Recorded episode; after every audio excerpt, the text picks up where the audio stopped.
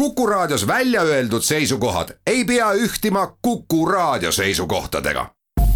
Te kuulate Kuku Raadiot.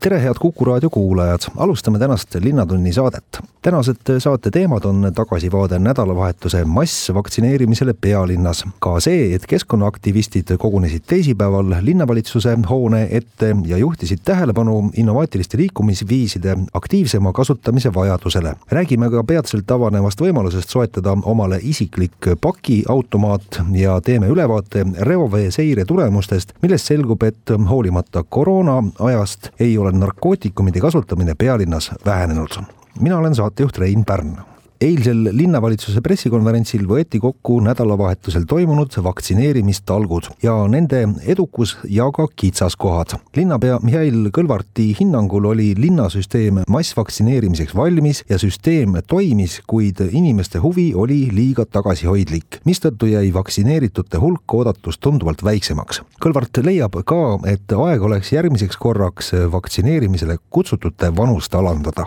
kahe päeva jooksul oli palju juttu juttu äh, massvaktsineerimisest äh, ja tähelepanu keskpunktis äh, oli just see, mis toimus Tallinnas. oleme ka meie teinud enda järeldusi ja mina näen, et linnasüsteem näitas enda valmisoleku massvaktsineerimise äh, läbiviimiseks. Äh, see, mis sõltus meie ressursist ja võimekusest, see oli ette valmistatud ja tagatud. erakliinikutele olid eraldatud ruumid koos sisustusega ja see sisustus tähendas seda, et alates vaheseinadest ja lõpetades mööbliga ja järjekorda automaatidega, kõik oli eraldatud linna poolt, olid tõhustatud ühistranspordi graafikud ja nagu praktika näitas, see oli tegelikult õige samm sest äh, suurem osa äh, tuligi äh, ühistranspordiga kohale. linnatöötajad pakkusid abi ja tugi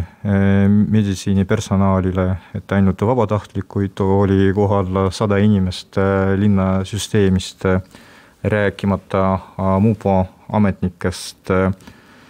ja võib-olla üks asi, mis peaks olema süsteemne mitte ainult Tallinnast, Tallinnas, vaid ka üleriigiliselt et me lühikese perioodi jooksul eh, lõime eh, kõnekeskuse ja jällegi nagu näitas praktika, suurem osa huvilisi tuligi selle kõnekeskuse kaudu. digiregistratuuris pani ennast kirja ainult kolmsada kolmkümmend inimest, tuletan meelde, et vaktsiini said äh, Tallinnas nädalavahetusel viis tuhat sada neliteist inimest, ehk siis valdav osa tuli just äh, kõnekeskuse kaudu. aga nagu ma ütlesin, tegelikult selline lahendus peaks olema tsentraalne, üleriigiline, sest Tallinn võib seda endale lubada, aga kindlasti mitte iga omavalitsus ja oleks äh, palju lihtsam ja selgem inimestele, kui siis oleks üks telefoninumber üle riigi, mida iga inimene saaks kasutada nii selleks, et ennast registreerida, kui ka selleks, et äh, infot saada. me oleme ka äh, edaspidi valmis enda peale võtma suurema koormuse ja avada isegi rohkem äh, vaktsineerimiskeskusi, kui selleks on vaktsiin olemas äh, ja riik usaldab meid äh, seda protsessi toetada, aidata ja mõnes mõttes ka kureerida, mis vajab tõepoolest nii strateegilist lähenemist kui ka võimekust vastu võtta operatiivseid otsuseid, on ikkagi sihtrühmade valik kui me räägime strateegilisest lähenemisest, siis mina arvan, et tegelikult paralleelselt prioriteetse sihtrühmadega tuleb valida, kas laiendada või siis valida teisi sihtrühmasid Äh, sest äh, vaktsineerimise protsess, äh, selle edukus sõltub nii numbritest kui ka kiirusest. ja kui meil on ainult üks rühm, siis seda ei ole võimalik saavutada, ei ole võimalik kiirust saavutada ega ka ei ole võimalik ka numbri kasvatada nii kiiresti, kui seda oleks vaja. rääkimata sellest ma ei taha muidugi vaielda teadlastega, aga mulle tundub, et äh, sõltumata vanusest äh, iga äh, lüli on tähtis ja nooremad inimesed on aktiivsemad, nendel on rohkem kontakte, eriti need inimesed, kes ei saa endale lubada kodukontori võimalusi. Nad käivad tööl. Nad äh, koos lapsega lähevad lasteaeda. Ja nad lähevad ka enda vanemate juurde sellesama riskirühma esindajate, esindajate juurde. ehk siis mulle tundub, et äh, tegelikult äh, oleks vaja läbi mõelda ka alternatiivseid sihtrühmasid, aga seda tuleb teha eelnevalt Äh, mitte käigu pealt äh, loomulikult. Äh, ja mm, kindlasti ka nende alternatiivsete rühmade puhul võiks korraldada ka massvaktsineerimise. loomulikult see kõik sõltub vaktsiini mahust, aga nagu meile oli ka siin antud teada, et noh, et seal Äh, kuul, äh, kuu aja jooksul on oodata umbes äh, sada tuhat doosi, mida ei ole vähe. kindlasti me ei ole seda meelt, et otsida nüüd, kes on süüdi, pigem me jätkuvalt oleme valmis olema abiks ja toeks sellele protsessile. nii palju, kui linn seda, seda saab teha ja korraldada ja me teeme ka enda ettepanekuid äh, selle protsessi osas, me oleme teinud seda ka varem. Ja, ja teeme seda ka, ka, ka tulevikus, aga äh, mis puudutab äh, siis äh, seda protsessi, mis käis nädalavahetusel äh,. jah, muidugi äh, kaootiline äh, vaktsineerimine ja teavitamine ei ole mõistlik äh, palju parem oleks, kui tuleks tsentraalne otsus äh, neljapäeval õhtul, reedel õhtul, inimesed kindlasti jõuaksid reageerida ja siis saaks inimestele ka äh, väljas öelda, et vabandust, et jah, sihtrühm on laiendatud, aga jätkuvalt ainult registreerimise alusel. et äh, see, et ma kuulsin sellist kommentaari, et oli vähe kommunikatsiooni, no selline arusaam minu arvates ei ole eriti adekvaatne mulle tundub, äh, lihtsalt ei olnud ühtegi inimest äh, äh, meie riigis, kes ei teadnud, et meil käi-, käis see vaktsineerimine. igast meediaallikast mitu korda päeva jooksul. ja vaatamata sellele, et me saime teada sellest ainult esmaspäeval, siis me jõudsime seda protsessi korraldada ja inimesi ka teavitada, aga inimesed ei ole valmis alati nii kiiresti reageerima rääkimata sellest, et mitte kõik on valmis ennast vaktsineerima või soovivad vaktsineerida perearstide kaudu. jällegi rääkimata sellest, et äh, tuleb välja, et perearstide puhul on ka teine vaktsiinide valik. linnatund Tervise Arengu Instituut saatis välja teate, mis räägib sellest, et mida näitas värske reovee uuringute eh, seire tulemused nii Tallinnas kui ka Pärnus. Ja mida siis täpsemalt uuriti ja milline tase siis ütleme jah, erinevate ravimite ja eelkõige siis ka uimastite ja narkootikumide tarvitamisega seoses siit välja koorub, saame seda kohe nüüd kuulda. meil on telefonil Tervise Arengu Instituudi narkomaania ja nakkushaiguste ennetamise keskuse teadur Katri Abel-Ollo, tere päevast! tere! olge, rääkige sellest uuringust, mida täpsemalt siis vaatasite ja millisel tasemel nüüd erinevate ainete ja ebaseaduslike ainete tarvitamine paistab olevat Eh, me täpsemalt vaatasimegi siis eh, ille-, illegaalsetest ainetest amfetamiini, metamfetamiini, ekstasit, kokaiini, siis olid seal veel uued psühhoaktiivsed ained ja siis kanep loomulikult aga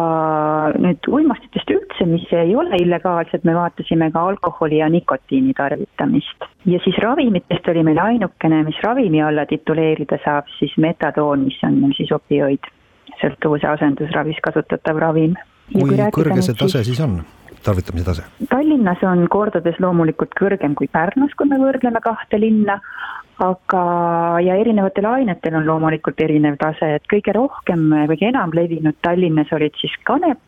illegaalsetest ainetest, amfetamiin, kokaiin ja siis äh, see on ekstasi ja metamfetamiin ja Pärnus oli siis sarnane, aga Pärnus oli natuke vähem siis äh, ekstasi levikut. et metamfetamiin oli enne ekstasit ainete levikus. kas see edetabel, nende ebaseaduslike ainete edetabel on aasta-aastalt äh, sama? ta on põhimõtteliselt sama, aga kaks tuhat kakskümmend oli nüüd üks üllatus ainetest, siis kaks tuhat üheksateist Tallinna uuringut võrreldes ka äh, siis metamfetamiini ei olnud peaaegu üldse või väga vähestes kogustes, siis nüüd kaks tuhat kakskümmend aasta uuringus oli see hüppeliselt tõusnud. ja metamfetamiin ei olnud mitte ainult Tallinnas, vaid oli ka Pärnu äh, reovees, et, et see oli nüüd selle aasta võib-olla kõige niisugune üllatuslikum leid ma saan aru, et te oleksite eeldanud, et kui see äh, koroonapandeemia võttis siin võimust, et äh, oleks nüüd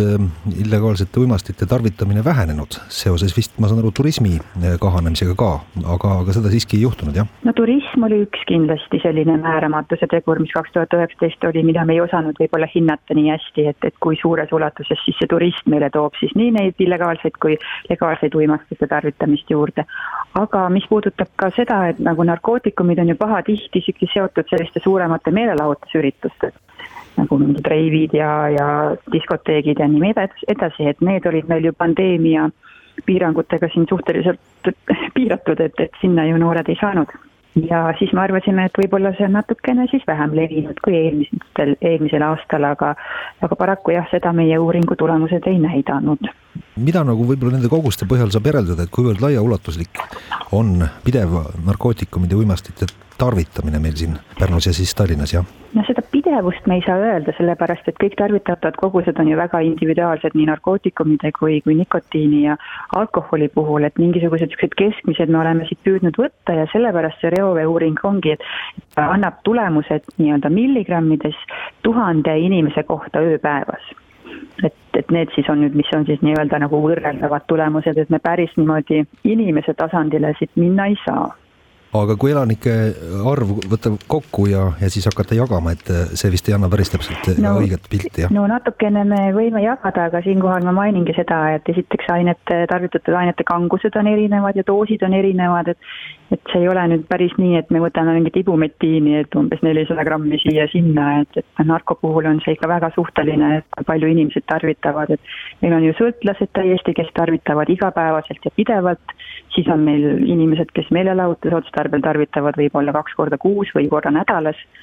et jah, et selles suhtes on meil nagu raske teha neid järeldusi indiviidi tasandile aga jah, et, et see reovesi näitab meile indikatsiooni, et neid aineid tarvitatakse ja, ja ta näitab nii-öelda selle suhtarvu siis meile kätte, et kas see siis langeb või, või, või tõuseb, nii et no hoolimata sellest, et pubid ja, ja klubid ja igasugused reivid eh, jäid nüüd vahele, siis eh, mis toimus siis ütleme jah, alkoholi tarvitamise ja nikotiini tarvitamisega, et kas siin olid olulised muutused? alkoholi tarvitamine meil vähenes ligi kolmkümmend protsenti lausa ja siinkohal ongi põhjust siis arvata, et muidugi osa on siis nii-öelda sellest pidutsemisest ja välisturistidest kindlasti maha võtta. aga mis, kui me räägime nikotiinist, siis nikotiini tarvitamine meil natukene tõusis ja, ja see teeb natuke murelikuks, sellepärast et et kui me võtame selle välisturistide osa veel siit maha ja me näeme, et, et ne, selle osa, mida välisturistid siis äh, eeldatavasti eelmine aasta tarvitasid, pluss veel siis lisaks on meil ligi kakskümmend protsenti see tõus. et siis äh, on alust arvata, et nikotiini tarvitamine selle pandeemia perioodil on tõusnud meie kohalike elanike seas. ja siin on muidugi võib-olla ka üks faktor see, et teadaolevalt ju teaduskirjandusest on nikotiin see, millega inimesed ärevatel aegadel oma pingeid maandavad, et võib-olla tõesti see see nii-öelda tubaka tarvitamine tõusis sellel perioodil ma ei tea, kas teil on mingisuguste teiste linnade jah, no ütleme Tallinna ja Pärnu võrdlus on siin välja tuua, ütleme tuhande inimese kohta milligrammid, aga mm -hmm. noh, ma ei tea, kui, kuidas muudes Läänemere suuremates linnades selle, nende uimastite ja tarvitamisega lood on? kas Tallinn kuidagi erineb siin? ma usun, et Tallinn nii palju ei erine ja ma siit peast hetkel ei oska neid eh, suhtarve teiste riikidega välja tuua ja see viimase aasta raport on praegu veel ei ole välja tulnud, kus on need erinevad riigid, siis on see Score võrgustik ja erinevad linnad. aga eelmiste aastate põhjal võib öelda, et noh, me oleme suhteliselt sarnased, nii igal linnal on oma tarvitatavad ained muidugi, oma eripärad, et mis on levinud, et igas riigis ei ole ju samad ained levinud. kokkuvõttes võib öelda jah, et eh, inimeste meelemürkide tarvitamise muutusi suuresti pole toimunud, küll jah, alkoholi on kõvasti nüüd vähem, aga seevastu suitsetatud on siin, on siin palju rohkem, et äh, noh, ma ei teagi, mis siin, mis siin kokkuvõttes saab äh, nii-öelda Eesti inimeste ja, ja Tallinna ja, ja Pärnu inimeste vaimse tervise kohta siis öelda? no otseselt ma nüüd järeldusi vaimse tervise kohta ei teeks, aga me mingisugused sellised indikatsioonid võime siit leida, et inimesed võiksid tegelikult ka pingelistel perioodidel leida tervislikumaid lõõgastusviise kui, kui meelemürkide kasutamine, kas sport või loodus või mida iganes, et loomulikult olukord on keeruline ja kõigil on, kõigil on raske seda igapäevaelu siin vahel nagu jätkata, aga, aga jah, et kindlasti see enese tervise ja, ja vaimse tervise hävitamine lisaks veel muudele pingetele ei ole väga, väga pikas perspektiivis tervislik, nii et no selge, väga kena ülevaade nüüd äh, sellest äh, värskest reoveeuuringust, mis on Tervise Arengu Instituudil äh, valmis saanud, on meil olemas. ma väga tänan Tervise Arengu Instituudi narkomaania ja nakkushaiguste ennetamise keskuse teadur Katri Abel-Ollo ja soovin siis jõudu tööle ja jääme ootama järgmiseid uuringuid. selge, aitäh teile. linnatund räägime ühest põnevast uudisest postivaldkonnast, nimelt TPD Eesti ja eestimaine nutipostkastide tootja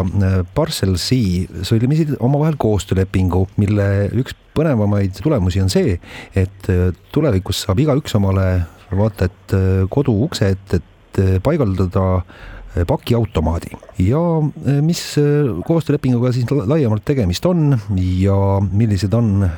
laiemalt ambitsioonid nende pakiautomaatide paigaldamisega, seda saamegi nüüd kohe küsida, meil on telefonil hea meel tervitada TPD Eesti tegevjuht Remo Kirs, tere päevast! tere päevast! mis teil need ühised plaanid on? tõesti, Parcelsi ja TPD sõlmisid omavahelise koostöölepingu üleüldiseks koostööks, et meie meie siis TPD,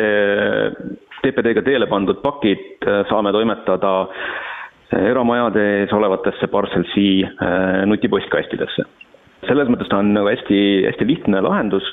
nad on, Parcel-C postkastid on kogu aeg avatud, nad ei nõua kullerfirmalt ega ka nii-öelda postkasti rentnikult mitte mingisuguseid liidestusi. kuller saab rahulikult panna paki sinna postkasti ja tuleb sõnum, et pakk on, äh, pakk on postkasti pandud ja saab, ja saab, saab selle kätte. et äh, ütleme siis kõikidele osapooltele, nii kuller, kulleritele kui ka kaubasaajatele siis hästi, hästi lihtne, lihtne lahendus aasta lõpus on siis plaanis hakata neid äh, postkaste laiemalt siis paigaldama ja, ja seda teenust siis ka äh, pakkuma, et äh, kellega siis tuleb ühendust võtta, kui on soov omale sellist nutipostkasti hoovi ette või, või kortermaja ette või korteri ukse ette, ma ei tea, kuidas see käib, hankida? ja siis peaks, siis peaks minema Parcelsi kodulehele, seal on ka neil täitsa tellimis, tellimisvõimalus, võimalus olemas ja ega need masinad ei ole täna sugugi nii-öelda lõpp, lõppfaasis, et jooksvalt, jooksvalt arendatakse ja täiustatakse neid. et siin, siinkohal on ka TPD poolt meil väga, väga hea meel Parcelsiga koostööd teha, kuna meie poolt noh, Parcelsi küsib ka meilt väga palju tagasisidet, et kuidas oleks ka kullerettevõttel mugavam seda postkasti kasutada ja selles valguses käib ka selline kahepoolne tihe koostöö, et see on nagu hästi äh, hästi oluline, et äh, saab sealt äh, tellida, ei pea muretsema selle pärast, et sellised, nagu nad täna on, et nad selliseks ka jäävad, et nende arendusprotsess nii-öelda kõiki osapooli kaasates käib kindlasti ka edasi. kas neid postkaste hakkavad täitma ja tühjendama ainult nüüd TPD kullerid või saab see olema ka teistele postifirmadele ligipääsetav? Ma ei oska siin teiste postiettevõtete osas rääkida, küll äh, mida ma tean, äh, on see, et ei pea üldse sugugi olema ainult, äh, ainult kullerettevõte, kes sinna pakki saab panna, et olete kodunt, kodunt ära läinud, igati mugav on ju lasta panna. Ütleme siis sõbral, tuttaval mõni, mõni pakk, moosipurk sinna postkasti ilma selleta, et sa peaksid kodus olema, et, et selline võimalus on, võimalus on ka täitsa, täitsa olemas, et et ma selle, selle eelduse kohaselt usun, et, et ei ole keeruline ka teistel seda kasutada. aga jah, see kast on päris suur, et sinna mahub päris palju, et, et siis äh, ligipääsetav äh, on see kõikidele, jah, tuleb ainult siis uksekood sisestada, jah, ma ei tea ei pea muretsema selle pärast, et midagi sealt vahepealt ära kaob? isegi ei pea uksekoodi sisestama, et tegelikult nad on, nad on juba eos äh, lahti ja kui paks sinna pannakse, siis äh, võetakse uks lihtsalt kinni ja, ja siis ta on juba lukustunud. et siis saab juba selle rentnik iseenda, enda seadistatud äh, koodi abil selle paki sealt äh, kätte, et nad on jah, peale paki asetamist on, on postkast lukus ja, ja, ja siis ei, ei, ei tohiks sealt midagi kaduma minna. No kindlasti on küsimus, et mis see siis kõik äh, tulevikus maksma läheb, ma saan aru, väga palju küsimusi muidugi ongi Parcel Seal'i otse mõeldud, aga aga mis te, mis te teate, et äh, kui kulukaks äh, see, ma ei tea, kas rentimine siis või pakiautomaadi ostmine läheb? no täna peamine on, on rentimine, üheksa, üheksakümmend üheksa minu teada oli selle rendi, rendikuu hind, ülejäänud siis ukseni kullerteenuse maksumus, et kui, kui kuskilt internetipoest kaupa, kaupa tellida, siis siis lähtuvalt sealsetest äh, kulleri, kulleri maksumustest äh, lisandub siis ka selle kulleri, kulleriteenusega, see on juba siis äh, täitsa sealt internetipoest otse juba arveldatav. ahah, no eks siis iga inimene peab ise siis arvutama, et kas seal on tal majanduslikult mõistlik omale selline nutipostkast ukse ette soetada või, või ei ole seda paki saatmist või üldse seda interneti vahendusel kauba tellimist nii palju, et ja, või siis jalavaev ikkagi on, on lihtsam ja odavam, et äh, teistesse aparaatidesse tellida, nii et eks see on selline arvutamise koht. jaa, siin on tegelikult mitu, mitu nüanssi, et äh, üks kindlasti on see, mis te välja tõite, et, et kui tihedalt neid pakke, pakke tellitakse, et siis kindlasti on ta oluliselt tasuvam. noh, praegusel pandeemia ajal ütleme sellise kontaktivaba toimetuse valguses on ta kindlasti, kindlasti hästi mugav. Sellele noh, täna äh, rahanumbrit juurde panna on keeruline. ja, ja kolmas, äh, kolmas osa on siis selline keskkonnasäästu, keskkonnahoiu osa, et et see ju ka kuller, kullerettevõtte poolt vähendab süünniku jalajälje jätmist, et saab ju esimese toimetusega kohe kaubad ära panna, et ei pea uuesti uuesti pakiga edasi-tagasi sõitma. et saab paki ära panna, et äh, siis äh, kas sellist olukorda on palju, et äh,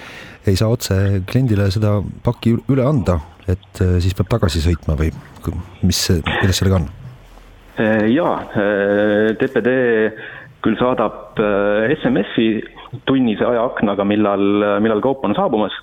kuid, kuid jah, vahetevahel jääb see aja, ajaaken märkamata ja kullal küll teeb enda, enda poolt kõik võimalikku, et see pakk ära anda, kuid noh, alati ei ole võimalik inimesi, inimesi kätte saada, et äh, tuleb küll tõesti ette seda, kus, äh, kus kuller peab selle pakiga uuesti tagasi äh, terminali sõitma ja siis järgmisel päeval uue, uue toimetuse ette võtma. kuidas maapiirkondadega on, et äh, kui ikkagi väga kaugesse külasse see äh, nutipakiautomaat omale ukse taha tellida, siis kas ikka tuuakse pakke kohale või, või lihtsalt noh, natuke tuleb äh, seda kullerile lisatasu maksta või mismoodi sellega? ei, tegel-, tegelikult mitte, et üldiselt on, üldiselt on nii, et kaetuvus Eestis on, on üks parimaid, meie sõidame täna ikkagi kõikidel tööpäevadel kõikidesse Eesti asukohtadesse. nii et ei ole, ei ole oluline, kuhu kohta see nutipostikäsk endale tellida, et et äh, igale poole me tuleme, tuleme ja toome selle paki kohale no igal juhul väga põnev uudis, et natukene teistmoodi lähenemine siin pakkide saatmises ja tellimises äh, olema äh, saab, et ukse taha saab omale pakiautomaadi paigaldada ja ei ole seda jalavaeva, ütleme jah, sellel paki saajal või saatjal siis äh, nii palju vaja enam ette võtta. nii et igal juhul selline väga kliendisõbralik otsus on siin toimumas, et natuke teistmoodi lähenemine just, et meile, meile tõesti, tõesti meeldivad kõikvõimalikud uued, uued lahendused, eriti veel sellised, mis mis tegelikult ju lõpptarbija seda vaeva ja ajakulu vähendavad ja, ja sellist äh, innovatsioonimekki juurde saavad. no igal juhul huvitav uudis ja äh, oluline uudis äh, just tänases päevas, kui vist kõikidel postifirmadel on nende pakkide saatmisega ja, ja kohale toomisega ikka väga palju tegemist, et nii palju pole tööd vist kunagi olnud. nii, nii ta on, hetkel, hetkel on tõesti kaubamahud väga, väga kõrged kui me vaatame siin äh, ka eelmise aasta sama perioodi, et siis äh, siin ikkagi kaubamahud on lähemale nelikümmend protsenti kõrgemad võrreldes eelmise aasta sama perioodiga, et et tõesti, kaupa, kaupa on palju ja, ja kõik sellised nii-öelda Äh, karbist välja lahendused on äh, täna igati, igati toetavad, et need tarneajad oleksid äh, võimalikult lühikesed. selge, uudis on nüüd küll kena, kenasti läbi räägitud, mina rohkem ei küsi, aitäh, TPD Eesti tegevjuht Remo Kirss selgituste eest, soovin teile jõudu tööle ja, ja kena päeva jätku! aitäh, kõike head! linnatund teisipäeval veidi peale keskpäeva kell kaksteist kolmkümmend toimus Tallinna linnavalitsuse ees üks äh, aktsioon, nimelt siis äh, keskkonnaaktivistid äh, ja keskkonnasõbralikke liikumisviise propageerivad inimesed kogunesid siis Tallinna linnavalitsuse ette ja peatasid seal korraks autoliikluse mis äh, aktsiooniga siis tegemist oli ja millele tähelepanu sooviti äh, juhtida, saame seda nüüd kohe küsida. meil on telefonil hea meel tervitada äh, selle aktsiooni üks eestvedajatest Elmo Rendi, uue tehnoloogia ja turgude ettevalmistamise juht Enn Laansoo juunior, tere päevast! tere päevast! Jah, rääkige, miks te sinna linnavalitsuse ette teisipäeval kogunesite ja millele soovisite tähelepanu juhtida? ma arvan, et põhisõnum, mis tegelikult on ju ise, iseenesestmõistetav, mida meie ja mida võib-olla enamus äh, elanikke esindavad, on see, et tänavad, linnatänavad peaksid olema rohkem inimese või nii-öelda kasutajasõbralikud ja meie koos siis oma partneritega soovisimegi läbi erinevate teenuste seda nii-öelda siis näidata ja seda siis nii-öelda rohkem esile tuua, et äh, jagamine, äh, sõiduvahendi jagamine, liikumine jalgsi on see, mis, mida me kõik peaksime rohkem äh, praktiseerima ja, ja see võiks ja peaks olema juba täna nii-öelda lähitulevik ja, ja olevik. Õnneks, jah. sõnumit kandsimegi Õnneks arengud selles osas on päris äh, äh, muljetavaldavalt ja, ja päris kiiresti edasi läinud, et äh, erinevaid elektritõukerattaid ja sõidukite ja autode laenutusvõimalusi on ikka hulgaliselt ja neid teenusepakkujaidki on nõnda, et see konkurents peaks ka üsna terve juba olema siin. et või näete mingisuguseid muresid? ma arvan, peamine ongi teadlikkuse kasvatamine, et nii nagu just ka eh, sissejuhatus oli, et teenusepakkujaid täna eh, lahendusi, tegelikult ühistransport on juba päris hea, mida ta on ka tegelikult pikalt olnud, lahendusi on olnud kogu aeg ja, ja peamine, mis me peame nii-öelda siis tarbijale, kliendile ja tegelikult linnaelanikule edasi andma, on see, et ta natukene muudaks oma seniseid harjumusi loobuks oma isiklikust autost, prooviks rohkem jalutada ja, ja siis tõesti tänavalt leiduvaid elektrirattaid või siis näiteks elektrimootorrattaid, millega Elmorent tuleb peatselt välja, või siis auto jagamist ja seda ka keskkonna, keskkonnasäästlikus võtmes kõike kasutama, et see, ma arvan, ongi peamine, kuidas siis öelda, võib-olla sõnum ja peamine mure, et me peame natukene veel sedasama elanikku äh,